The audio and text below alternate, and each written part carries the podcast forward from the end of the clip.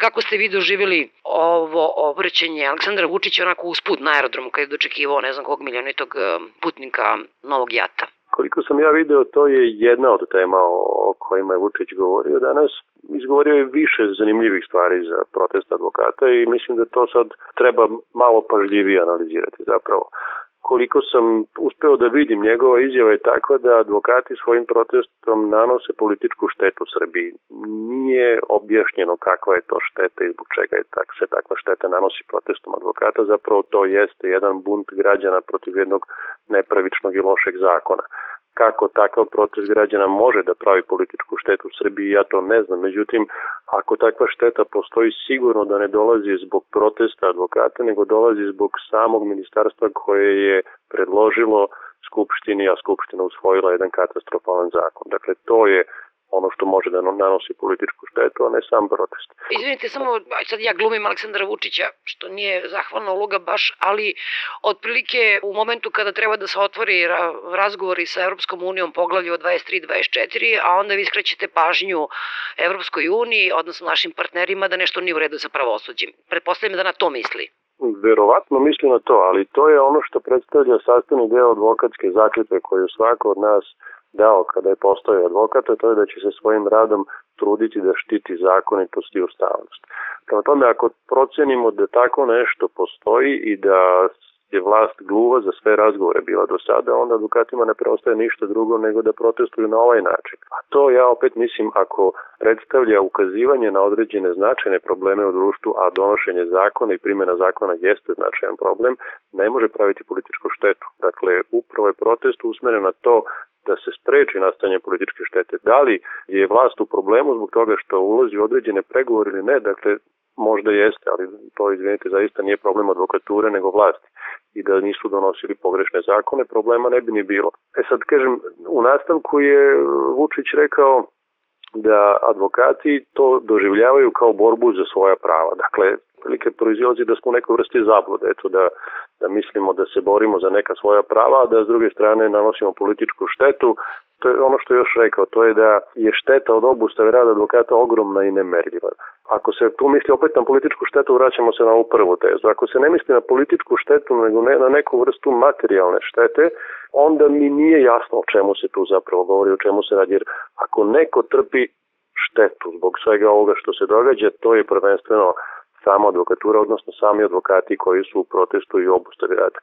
To čak možemo i da merimo, dakle u novcu, tako što ako pretpostavimo da svaki advokat zarađuje ima 8.500 advokata u Srbiji. Ako svaki advokat zarađuje u proseku oko 500 evra mesečno, pa pomnožite to sa dva meseca pa sa brojem advokata, doćete da je advokatura, dakle da su ljudi koji se bave advokaturom izgubili oko 8,5 miliona eura za ova dva meseca protesta, jer mi kada ne idemo na suđenje, ta suđenja ni, ni ne, ne naplaćujemo. Dakle, mi nemamo poslodavce koji nam daju platu dok mi štrajkujemo država nas ne plaća. Dakle, mi smo sami svoji poslodavci, sami sebe zapošljavamo i funkcionišemo tako što naplaćujemo odlaske na suđenja. Dakle, hoću da kažem, niko normalan to ne bi radio za nečije tuđe interese, niti smo dovedeni u zabludu na neki način od strane bilo kojih ljudi koji vode advokatske komore. Prema tome, mislim da se tu radi zapravo o političkim tezama koje nemaju zaista nikako, nikako uporište. Sad, za mene tu je interesantna jedna izjava još koja je isto izrečena, opet kažem ne znam da li na pitanje novinara ili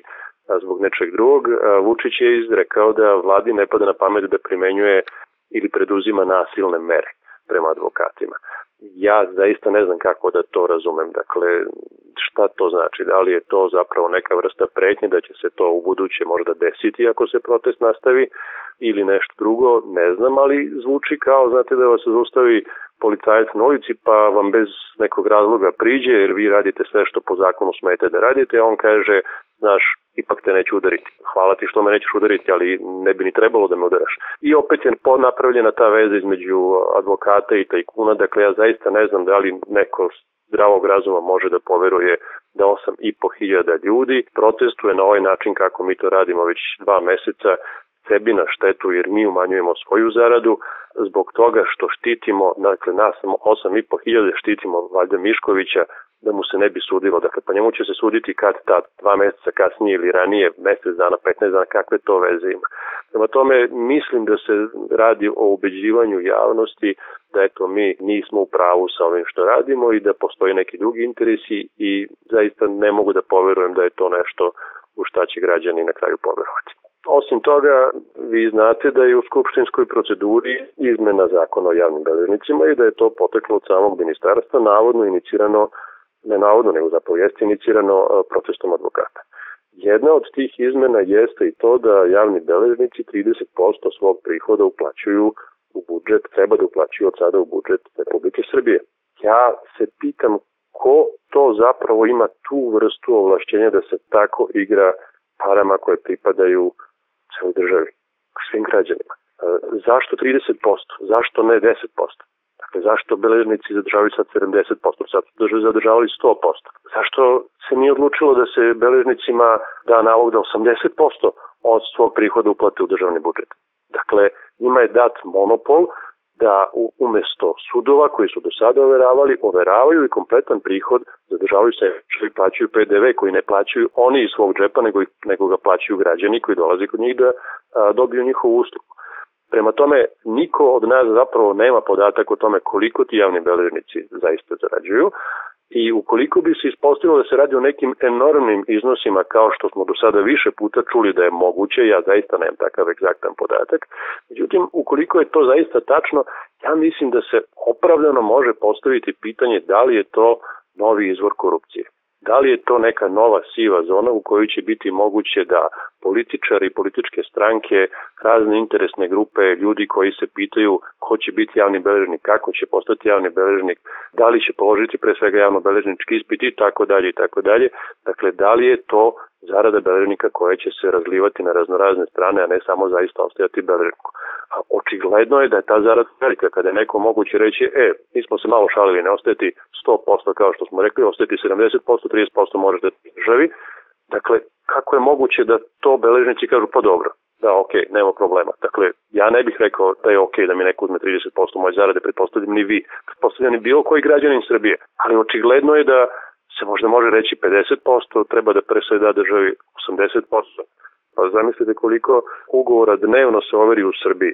Sada je taj kompletan posao prebačen javnim beležnicima. Dakle, to kako da vam kažem, kao da kada biste naplatu putarine u Srbiji prebacili u jednu privatnu firmu i rekli evo od sada treba plaćati državi samo PDV. Pa dakle, jednostavno niti logično, niti pravično, niti neko ima pravo da tako raspolaže novcem države. Hoću da kažem, ima jako puno improvizacije, jako puno lutanja i očigledno je da se radi o pogrešnom i lošem zakonu koji pre svega nije u interesu same države i sami građana, jer država nije vlast, država nije ministarstvo, država nije premijer, država su njeni građani. I još jedna velika neistina da se provlači, a to je da javni beležnici i ovaj sistem overa ugovora donosi novu i veću pravnu sigurnost, to je potpuno netačno i to je velika zabluda u koju se građani dovode. Dakle, beležnici čak sada na početku svog rada koriste formulaciju da građani koji dolaze kod njih preuzimaju na sebe kompletnu odgovornost i odgovaraju zapravo samostalno za sve one podatke koji su uneti ugovor. Dakle, to je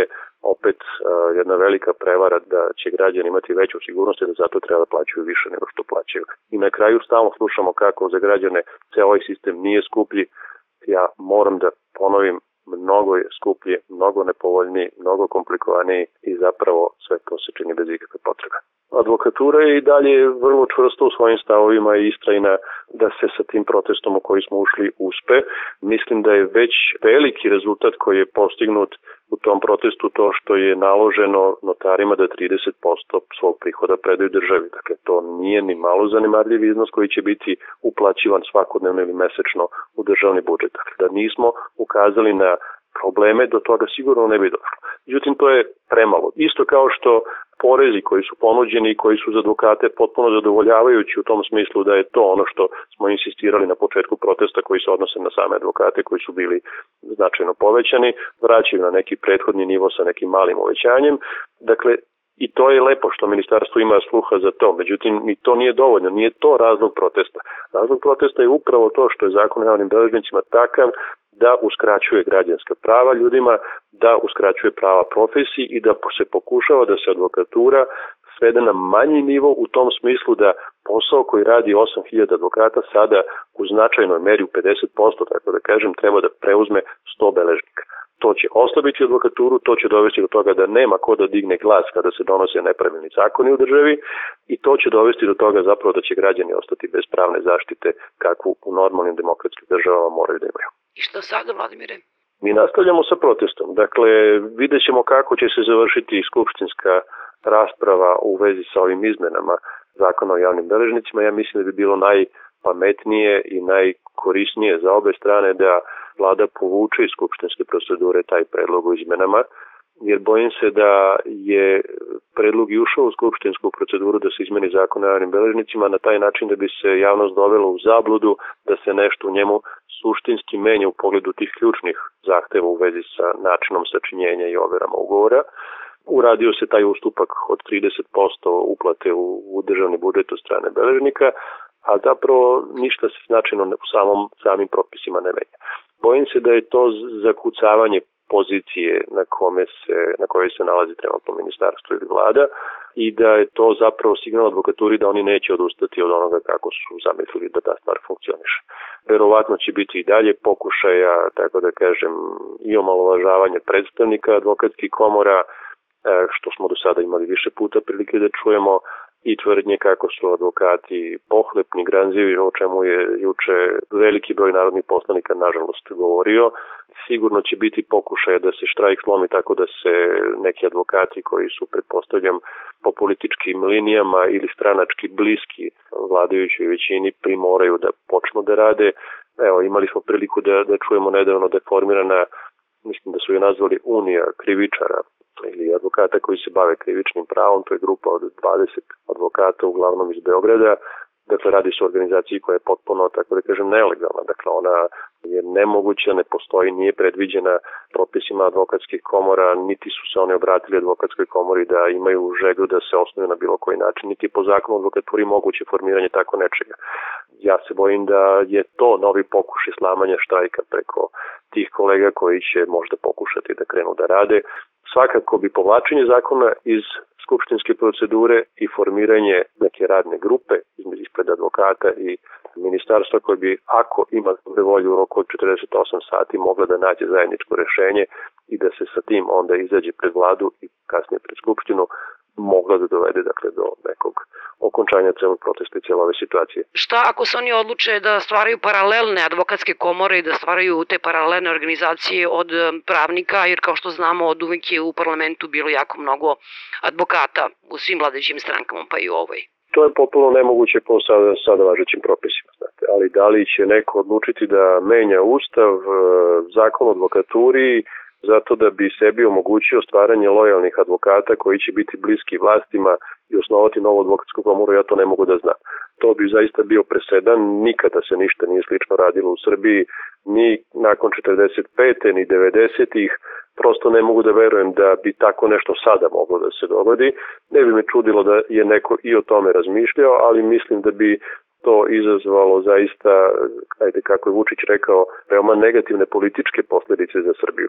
To bi značilo da vlast zapravo želi da advokaturu stavi kompletno pod svoju kontrolu i da na taj način zapravo rešavaju stvari što se sa postojećim advokatskim komorama ne pregovara i ne dogovara i ne nalazi zajednički jezik, ali će se formirati paralelne advokatske komore koje će biti poslušne i koje će raditi ono što im vlast kaže.